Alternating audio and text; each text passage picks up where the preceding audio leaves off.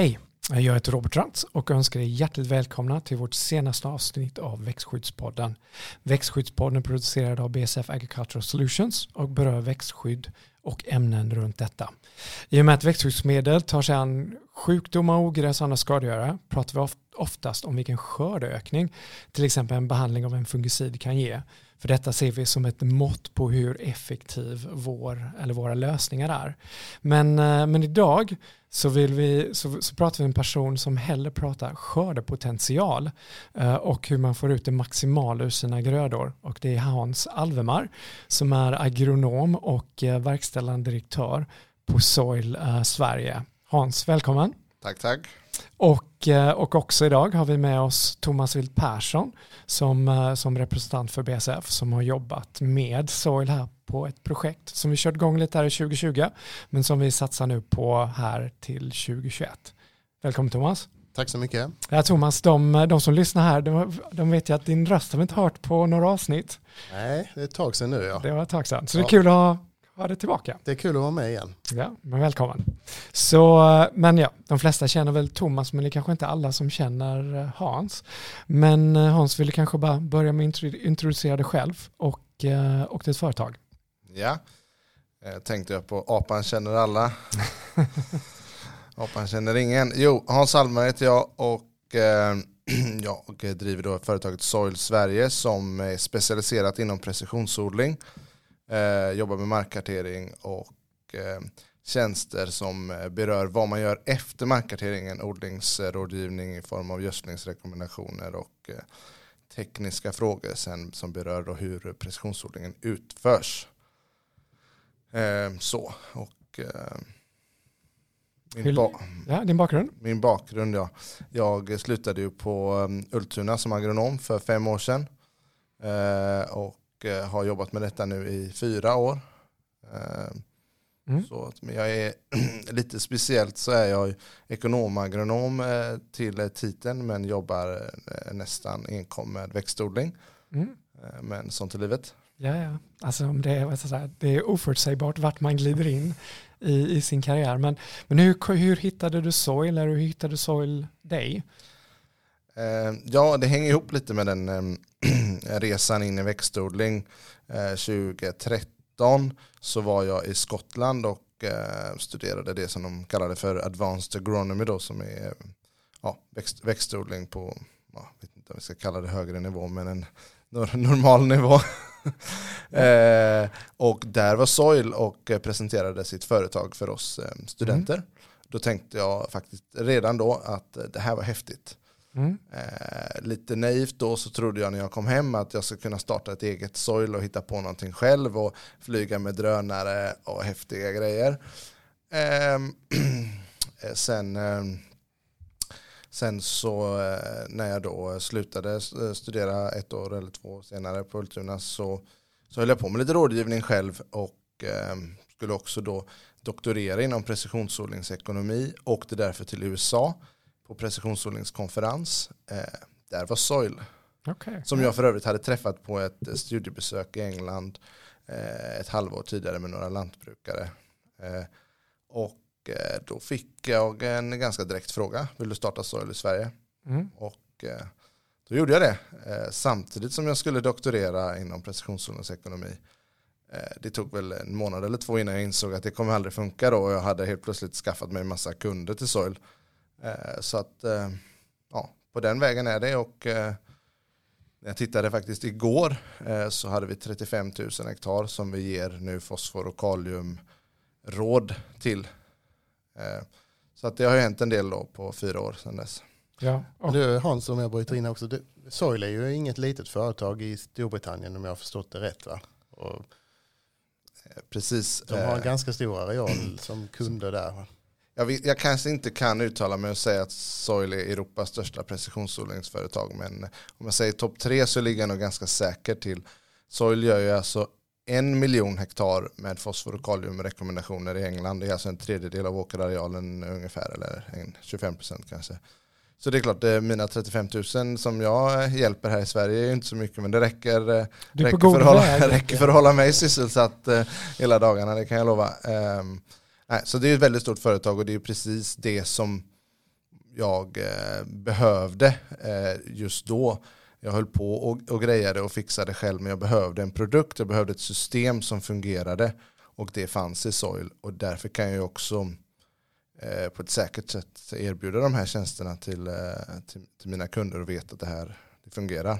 Mm. Du, du, du, känner den, den miljon hektar, den finns där i, uh, bakom dig och backar upp med kunskap och allting. Det är ju ganska skönt uh, när någon uh, ringer och behöver ha gödslingsfiler om en eller två dagar eller en eller två timmar ibland och veta att i England sitter det ett team med åtta personer som bara sitter och gör gödslingsrekommendationer och sådana här styrfiler då som man kör i traktorerna och bara gör det hela dagarna.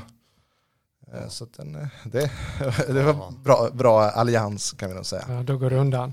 Och eh, så det med doktorerandet, det har du lagt på hyllan då? Det får hända någon gång kanske när du går i pension? eller, det lär väl bli ett pensionsprojekt kanske. Ja, precis. Men då är du egentligen lite av en entreprenör också. Alltså därför jag, jag känner igen det lite själv, liksom, om man ser någonting så blir man inspirerad. Men det känns som du kanske har en liten entreprenörådra i det också då.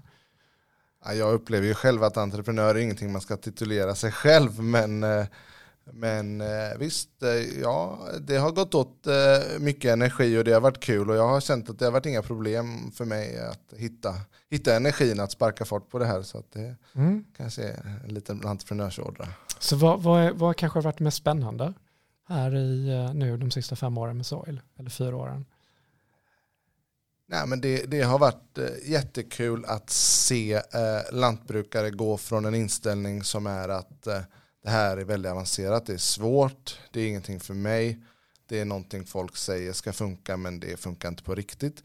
Till att, ja, jag ska inte säga med enkla medel för allt är enkelt efteråt, mm. men det har ändå gått att göra det och visa för dem att kolla här, vi kan förvandla din markkarta till en gödselrekommendation. Vi kan få det att funka i traktorn det var inte så avancerat som du trodde. Eh, och verkligen hjälpa ganska många gårdar nu att komma igång och göra precisionsodling på riktigt. Och det har varit både en utmaning men också väldigt kul att se resultaten och få feedback eh, att det, de tycker att det funkar. Okej, okay. för, liksom för när jag eh, liksom har pratat med Thomas och, och pratat lite om soil, för mig liksom, det känns som att det, det handlar om en vision liksom en vision, liksom, vad är möjligheterna med nya teknologier? Ja, alltså man säger soil då, eh, som från England, så är soil står, även om det är felstavat, eh, felstavad jord då på engelska, så står det alltså för soils optimized for yield level. Och där är ju visionen att kunna leverera en odlingstjänst och tekniken ser jag, det, det, det är som eh, snickarens hammare. Mm. Det, är inte, det är huset som är resultatet. Vi ska bygga ett flådigt hus. Vi ska inte mm fundera på vilken typ av hammare eller fogsvans ska jag ha. Tekniken är avgörande men det är odlingen som är eh, det, är det, det handlar om. Mm. Okej. Okay. Jag vet eh, nyligen här, du skrev, du hade även en artikel där du frågade, ja, liksom, eh, du vill inte göra dig ovän med, med resten av Sverige, men du säger, är det, är det inte snart slutsnackat om vädret som en ursäkt? Uh, för var det sämre eller en anledning för bättre resultat där du uppmanar läsaren då att titta på skördepotentialen istället. Är det en del i också den här vad ska man säga, filosofin eller vart, vart ni försöker ta svenskt jordbruk? Det kanske är ett litet personligt sidospår från Soils, eh, Soils eh, vanliga produkter. Men det är bara en reflektion som jag, som jag har att vi måste fundera på vad kan vi göra för att få ut mer skördepotential istället för att eh, diskutera att om vädret hade varit si och så så kanske hade det blivit bättre mm. eller sämre. Eh, saknar vi vatten då får vi fundera på var finns vattnet? Det finns längre ner och hur kan jag få mina rötter att växa längre ner? Mm. Eh, så. Mm. Precis, och där hade du även just det här, det jag tyckte var intressant var att du säger om en skördepotentialen är ju 100% och hur, hur nära kan vi då komma de här 100 procenten? Ja, det där är väldigt, eh, alltså var, eh, hur nära kan vi i praktiken komma den teoretiska skördepotentialen? Det verkar ju som att i många fall så ligger man på 50-60 procent. Mm. Eh, kommer man i alla fall upp till 70-80 procent så kommer vi till skördenivåer, det kan jag lova, där de flesta lantbrukare är nöjda. Mm. Ja, men spännande.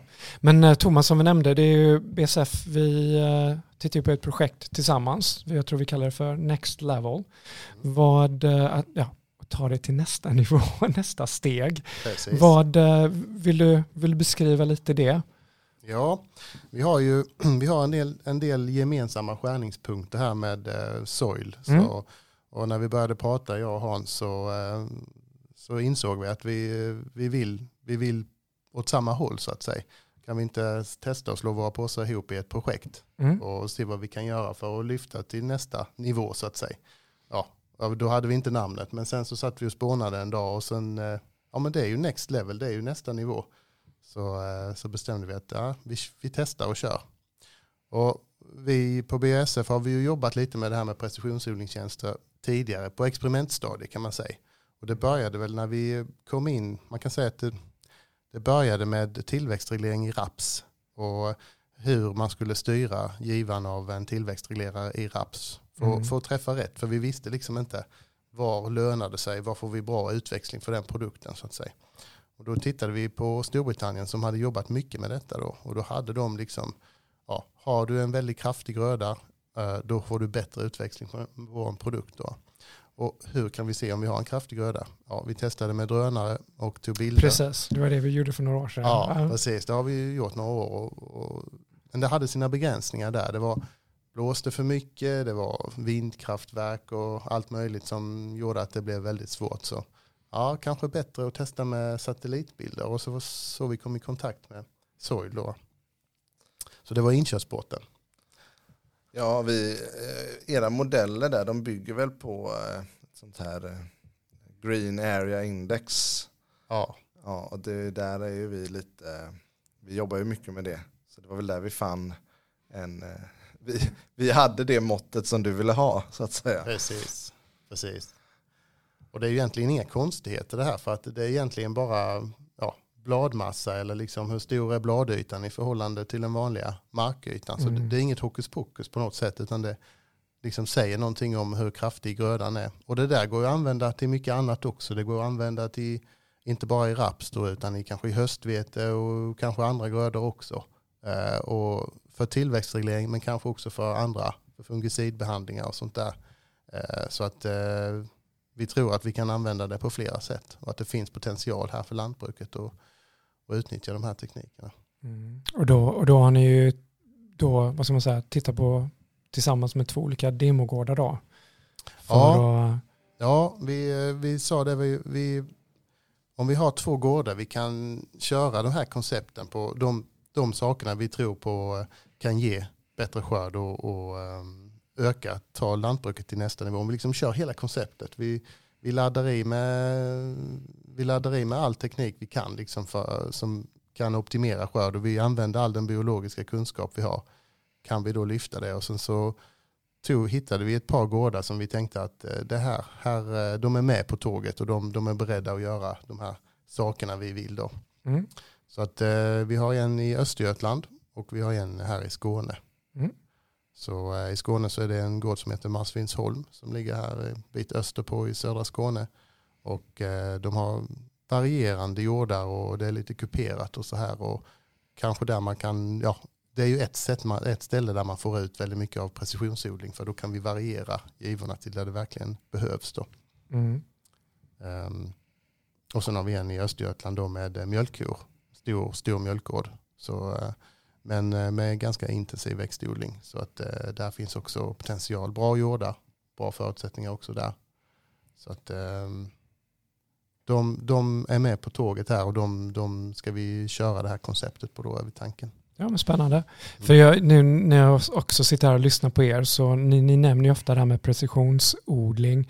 Men då kommer ni ofta, nämner ni ofta väldigt också snabbt eh, markkartering. Är, det, är de väldigt tätt sammanbundna de två koncepten?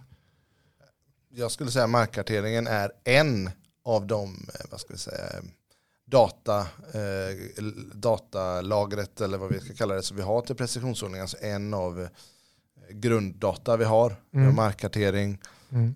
Eh, Det innefattar ju i princip allt som man kan mäta i marken. Det är ett väldigt vitt begrepp och sen har vi då Eh, att vi mäter grödan med satelliter. Sen kan precisionsodling, det kan ju, ja, you name it, alltså det kan innehålla, innehålla vad som helst det konceptet.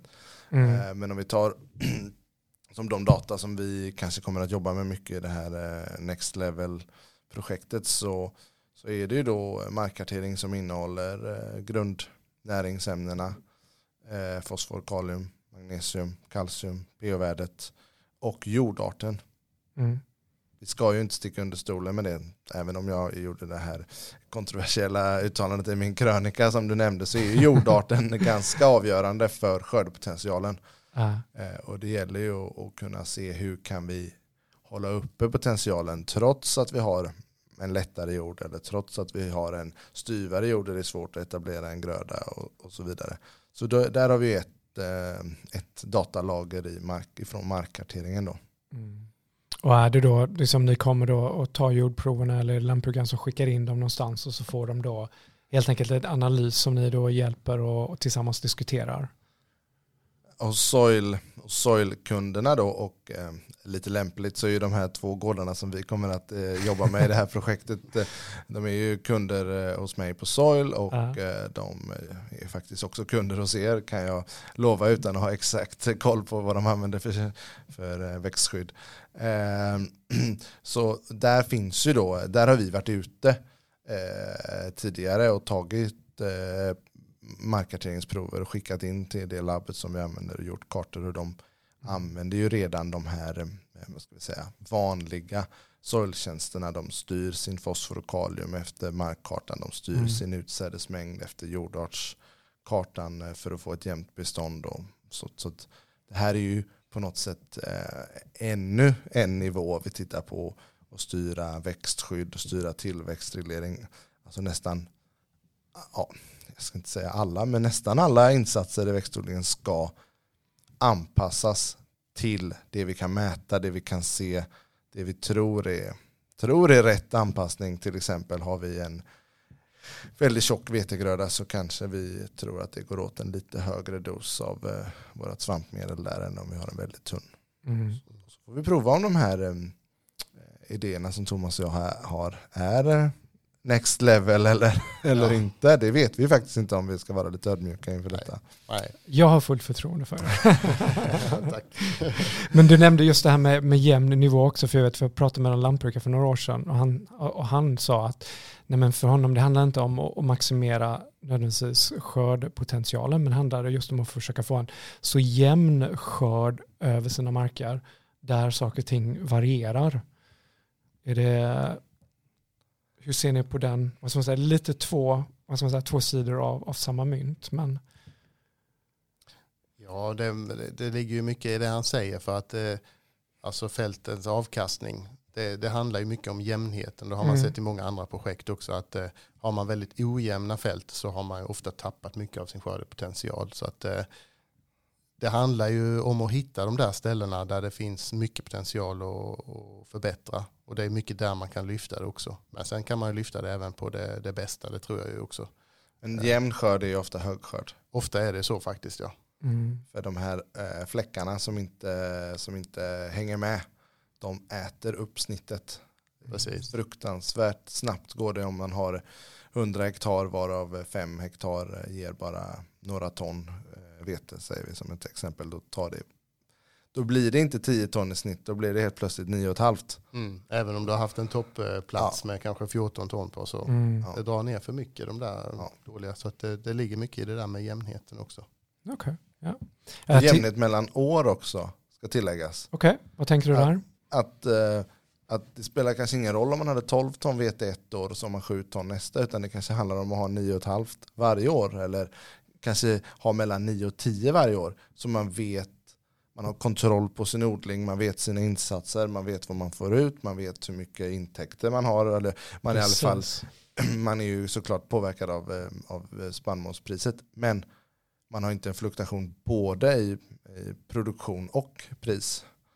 Eh, Så det kanske är lättare sagt än gjort men lika väl som att få jämnhet över hela gården och inom fälten så jämnhet mellan åren skulle jag säga är en grundpelare för att kunna ha ett stabilt företag.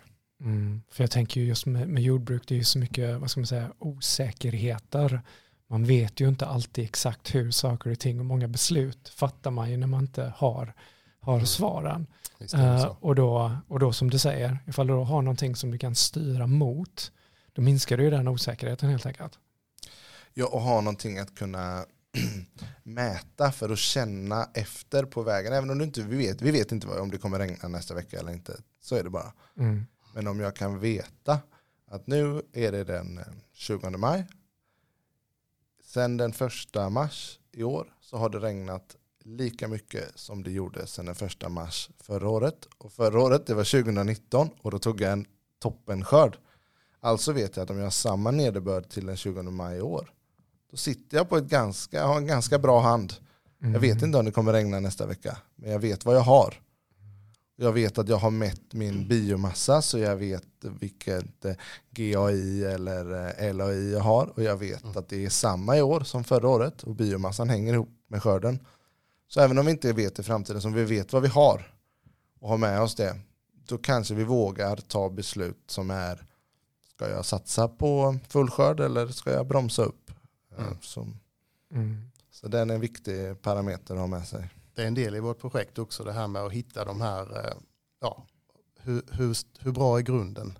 Hur bra är grunden för skörden? Liksom, har vi, kan vi se redan i maj att ja, här är ett bra fundament som vi kan bygga vidare på eller ja, andra faktorer som har gjort att vi måste begränsa oss och så här. Va? Så att, eh, men det är, det är också den här uppföljningen som vi ska komma till som eh, den, den är viktig för helheten. För att, och det är likadant, vi pratat om det innan med, men att teknologin är ju, det är hammaren som, som vi har. Mm. Den, den, är, den är viktig men den är inte, det är inte därför vi är här eh, på något vis utan vi vill ju nå så bra potential, så mycket av potentialen som möjligt. Så dels vad är potentialen på de här ställena och hur nära kan vi komma? Hur Mm. bra utnyttjande av den här potentialen kan vi få? Så det är liksom det som är det som hägrar i bakgrunden eller i förgrunden för oss att eh, liksom, vi vill få ut max. Mm. Men eh, det låter nästan lite som så här big data. Alltså det, det, det handlar om att samla ihop all information som man kan och sen basera sina, sina beslut på Precis. den datan helt enkelt. Jag upplever att det är lite sådär att eh, man, man, man kommer ofta i en situation eh, när man säger varför ska jag ha en väderstation? Varför ska jag samla upp mina skördekartor? Vad kan jag, jag har ingen nytta av det här. Tills man helt plötsligt har samlat på det i några år och då går ljuset upp. Mm. Jag kan säga att jag, jag, jag har inte riktigt kommit dit än att på vissa gårdar att ljuset har gått upp helt. Men jag börjar se pusselbitarna. Det, det liksom börjar sättas ihop till en bild som man kan måla upp nu efter några år. Att vi kan se att vid den här tidpunkten på våren eller i det här stadiet så hade vi den här biomassan och då blev också skörden så pass hög. Då kan vi, om vi kan se det flera år i rad då börjar vi lära oss att vi vet att kommer vi uppnå en viss biomassa så kommer vi kunna förmodligen uppnå en viss skörd om vädret blir någorlunda normalt och så vidare. Så ja, det, det, är, lite, det är lite big data över det. Sen kanske vi inte kommer ha någon, eh, alltså det pratas ju mycket om AI, eh, Mm. men det kommer vi nog inte ha i next level utan det kommer nog bli. Thomas och Hans i så att säga. Ja, precis. Utan vi får, vi får slå våra kloka huvuden ihop och försöka dra slutsatserna och, och, och liksom Ja, göra analysen där. Mm. just det. Men, men tidigare, ni, ni nämnde också, det är så- som jag sa, just det här med, med precisionsodling, markkartering, men ni nämnde också variabel eh, gödselmängd, kanske till och med variabel utsägdes, men det, det låter lite som att man tar informationen och så ger man helt enkelt, beroende på vad man har, en, ett variabelt förslag på, på, på hur man får det mesta, hur man får ut det mesta. Alltså vi har ju, vi har ju de här satellitbilderna. Och de mäter ju grödan. Eh, den data man får direkt från satelliten är ju en relativ skillnad i biomassa. Mm. Sen har vi det här som vi pratade om innan, GAI. Eh, Jag vet inte, vi kanske ska definiera det. Eh, Mm. Det är Green Area Index och så finns det ett annat begrepp som heter Leaf Area Index. Och det är då alltså hur mycket blad eller hur mycket gröna blad det är per ytenhet. Alltså en kvadrat, ett i Leaf Area Index är en kvadrat blad per en kvadrat jord. Så att jag brukar jämföra det som att om man har ett, ett mått med Leaf Index eh, då är det som att ha en tumstock. Om man har ett mått som är bara från satellitbilden som är ett relativt mått, till exempel NDVI, ett sånt index som kommer upp där. Det är som att ha en pinne. Och så ställer man den bredvid och så vet jag att okej, okay, jag är 1,83, den här pinnen är ungefär 1,80, den är 2 meter. Så, men det är ingen tumstock, man kan inte mäta exakt eh, på den. Eh, och det vi gör med de här satellitbilderna då är att vi konverterar dem till LAI och GAI genom att gå ut och klippa raps, eh, mm. mäta vete och så vidare för att göra en modell och kunna få en karta över LAI. Och då vet vi ju, eller man, man tror i, i eh, de flesta sammanhang att mäter vi biomassan så är biomassan direkt kopplad till hur mycket kväve som grödan har tagit upp och då kan vi styra gödslingen därefter då för att eh, kompensera för en gröda som har tagit upp mer eller mindre kväve. Och den här datan den finns redan där, det används redan idag i stor utsträckning för kvävegödsling.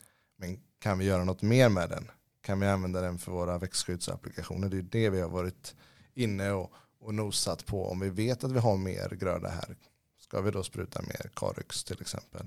Eller mindre kanske? Mm, mm. Jo, det är det vi är ute efter. Mm. Men just det här med satelliter, för Thomas som nämnde tidigare, vi hade ju, som jag tyckte var väldigt roligt liksom, när vi tittade på drönare och hur man kunde använda det. Och då vet jag, vi pratade också om, om satelliter.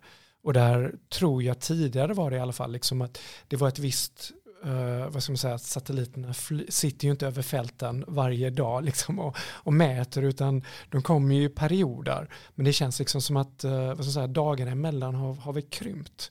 Liksom, så att nu så blir det lite mer real time helt enkelt i eh, de satellitbilder och liknande. Ja, det är ju en um, akilleshäl med satelliterna ja. uh, när de dyker upp. Det finns ju olika konstellationer av satelliter. Uh, det, är, det, är, det är träsk hela den här branschen om man ska vara ärlig. Men, men det vi, uh, alltså, som på Soil så använder vi den här datan väldigt aktivt och därför har vi valt då att vi köper in satellitbilder från de satelliterna som går. Mm. Det, finns, det finns ju då eh, några satelliter som är, eh, jag ska inte säga att de är gratis, datan är tillgänglig för alla och de är finansierade av EU. Eh, och eh, det har ju öppnat upp för väldigt mycket möjligheter. Det finns ju satellitbilder överallt. Det finns många hemsidor som helst som har satellitbilder. Och det har öppnat upp för det. Och de satelliterna de kommer ungefär två gånger i veckan. Okay, yeah. Eh, sen eh, har vi då valt för att kunna leverera en tjänst som man vågar ta betalt för. Så vi köper in då, det är någon eh, kazaksat från Kazakstan och det är lite olika grejer. Så vi har en konstellation på sex satelliter. Så då får vi ja, en, en, det är faktiskt fler, jag tror det är 1,2 bilder om dagen för de flyger ju runt då.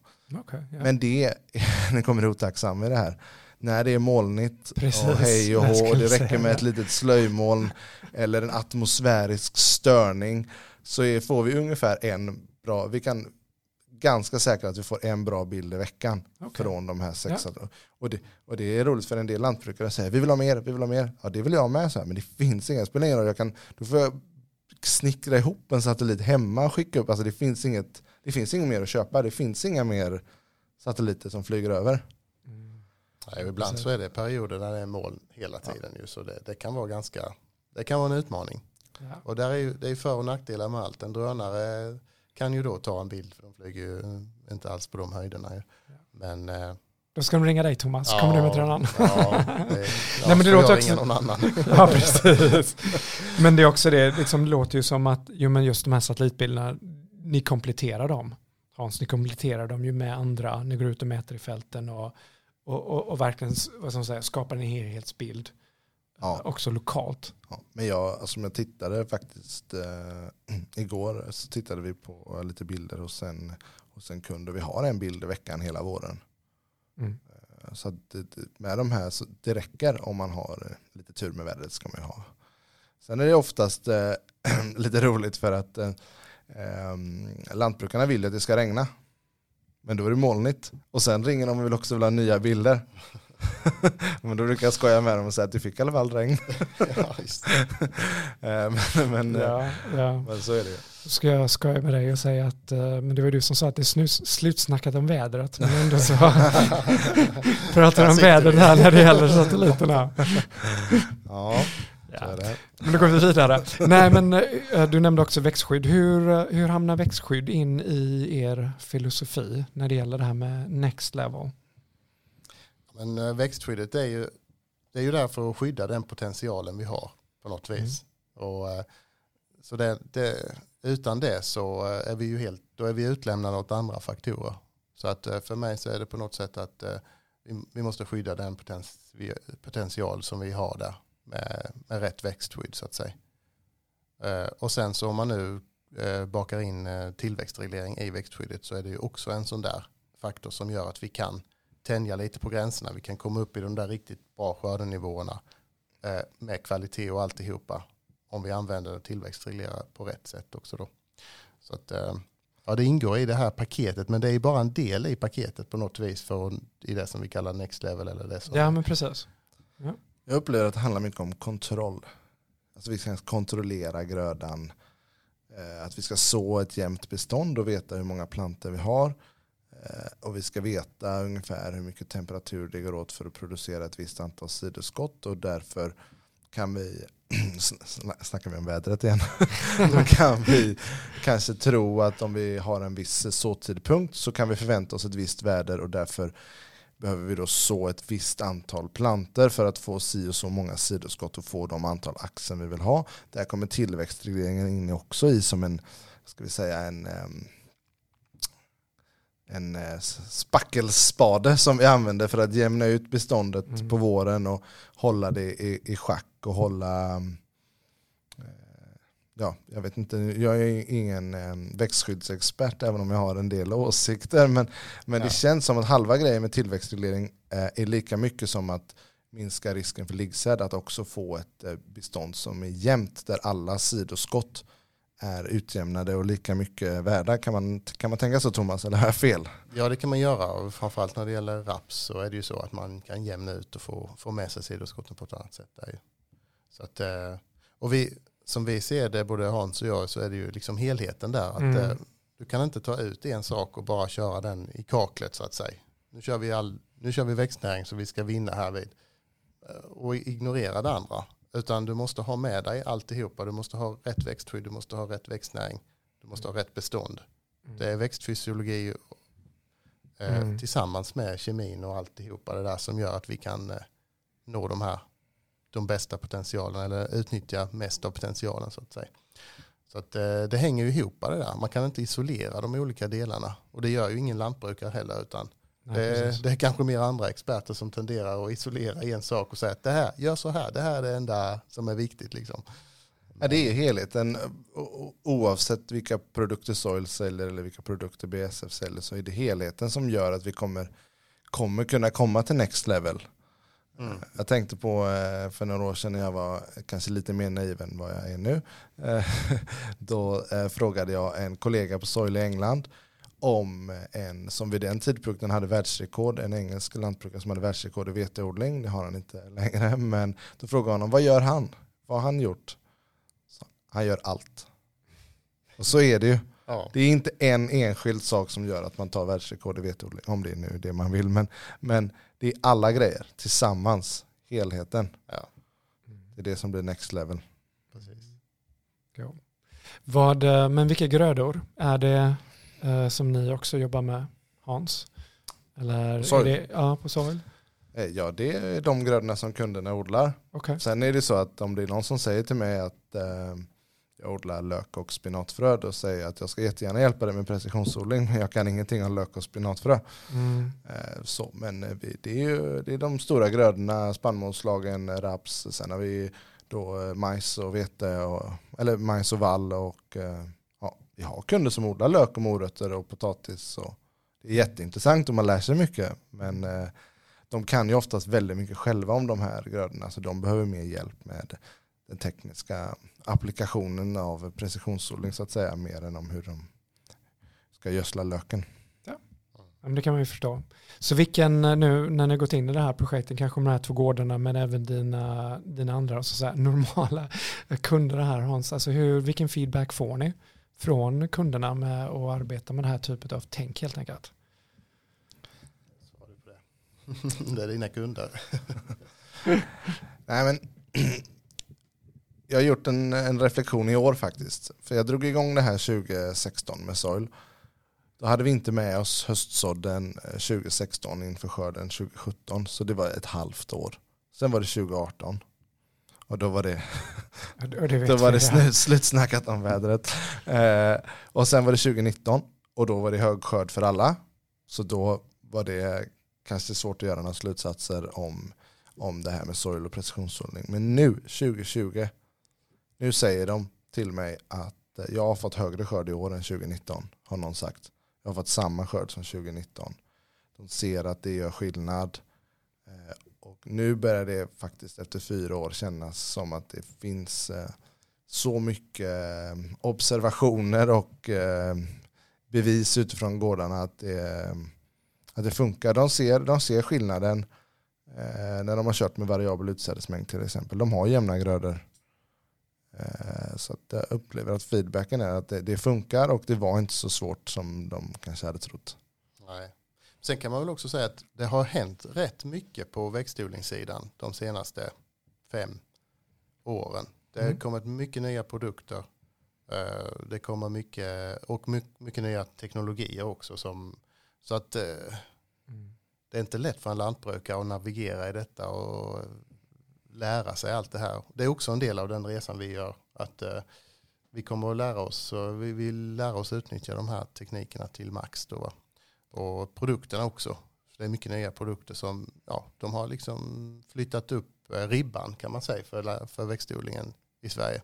Mm. Det satsas friskt tycker jag. Det är ja. många som satsar på väldigt höga skördenivåer och känner att det är rimligt. Och jag tycker att man kan nog ja. hålla med i det i många fall. Att det, är... det känns som att fokus har nog flyttat. Ja, det, har ju, det har ju flyttat sen, man kan säga sen spannmålspriset ökade eh, 07-08 någon gång där. Då började, sen från, från, fokus har varit på att spara kostnader så har fokus flyttats mer till att eh, utnyttja potentialen så mycket som möjligt.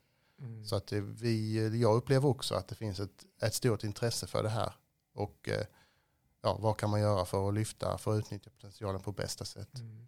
Men det, det, du sa också tidigare lite Thomas var det här med uppföljning är viktigt.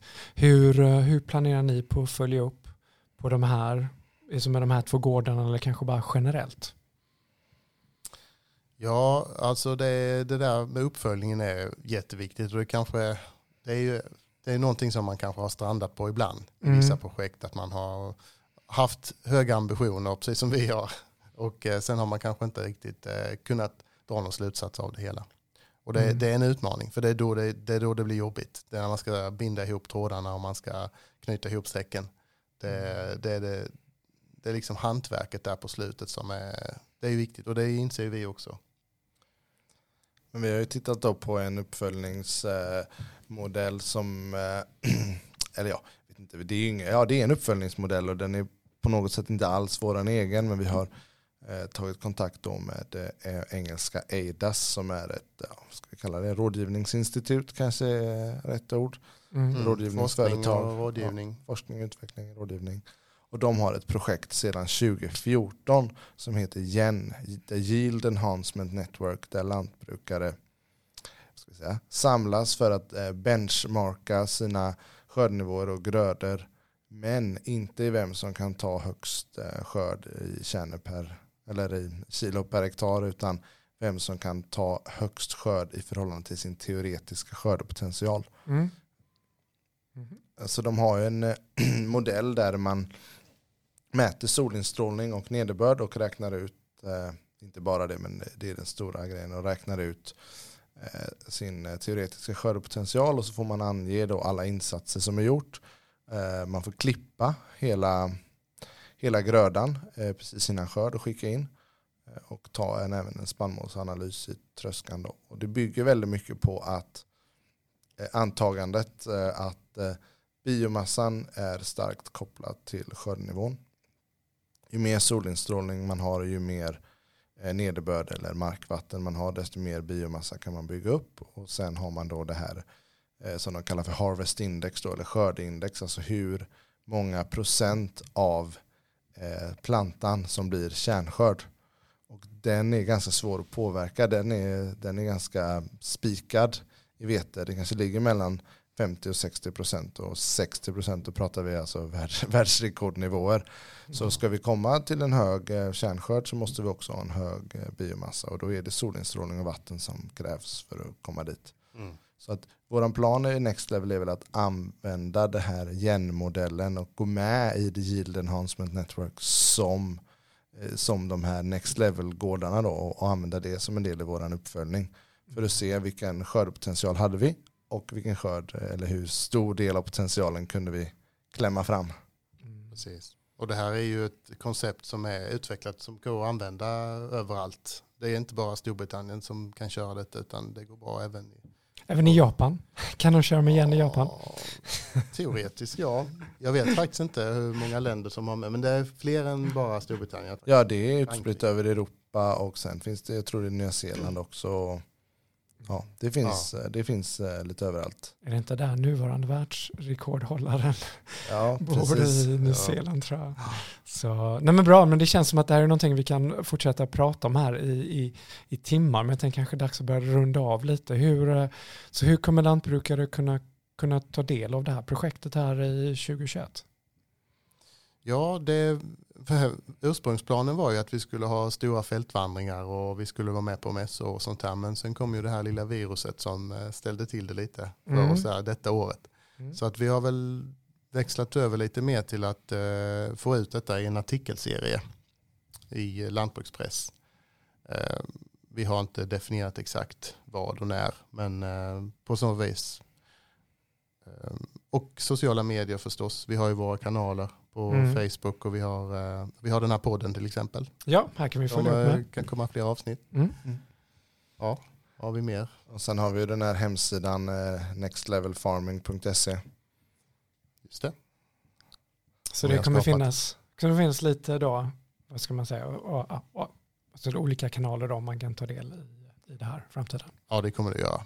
Och Vi vill ju gärna redovisa vad har vi gjort, varför, hur har vi tänkt när vi har eh, gjort de här olika planerna när vi ska mm, kanske spruta svamp efter en biomassakarta. Eller, det känns som att vår tanke det ska vara väldigt praktiskt och väldigt eh, liksom djupdykande i varför tar vi de här besluten, hur tänker vi, vad vill vi åstadkomma och så vidare. Mm. Ja, ja, så det är ju något vi kommer att få eh, utveckla i artiklar och så här. Bra. Men spännande. Känns verkligen som vi har kastat in en blick in här i, i, i framtiden. Så är det något sista ni vill tillägga eller? Eh, nej, nej vi, ehm, vi tycker det ska bli jättespännande och ge oss iväg på den här resan nu. Ja. Så det ser vi fram emot. Båda två. Tror jag. jag hoppas att vi når the next level. Ja, precis. vi har ju satt ribban ganska högt där. vi har, jag har fullt förtroende. Nej, men tack idag då Hans, Thomas. Tack för att uh, ni, ni var med idag. Riktigt bra spännande diskussion. Så som vi alltid när vi rundar av så vill vi vill uh, lyssnarna veta mer om BSF så är ni välkomna att gå in på vår hemsida agro.bsf.se eller följa oss på Facebook där vi är BSF Agricultural Solutions. Mer information om Soil hittar ni på www.soil och då är det med y, s o i l.se och eh, sen som Hans också nämnde tidigare, vill du ha mer information om det här Next Level Farming-projektet så finns det då på nextlevelfarming.se. Uh, eh, här på Växtskyddspodden så vill vi gärna ha er feedback så skriv gärna till oss på vår adress växtskyddspodden eller kanske då vaxtskyddspodden snabbla.bsf.com. Um, ehm, så vi, vi har idag pratat runt växtskydd vi nämnde ett växtskyddsmedel vid namn tror jag. Så, så glöm inte, använd växtskyddsmedel med försiktighet. Läs alltid etikett, produktinformation för användning. Observera alla varningsfraser, symboler och som BSF är vi medlem i Svenskt växtskydd. Så, men eh, tack för att du har lyssnat. Thomas Hans, tack än en gång. Tack, och tack. Eh, på återhörande denna podd. Hej då. BASF. We create chemistry.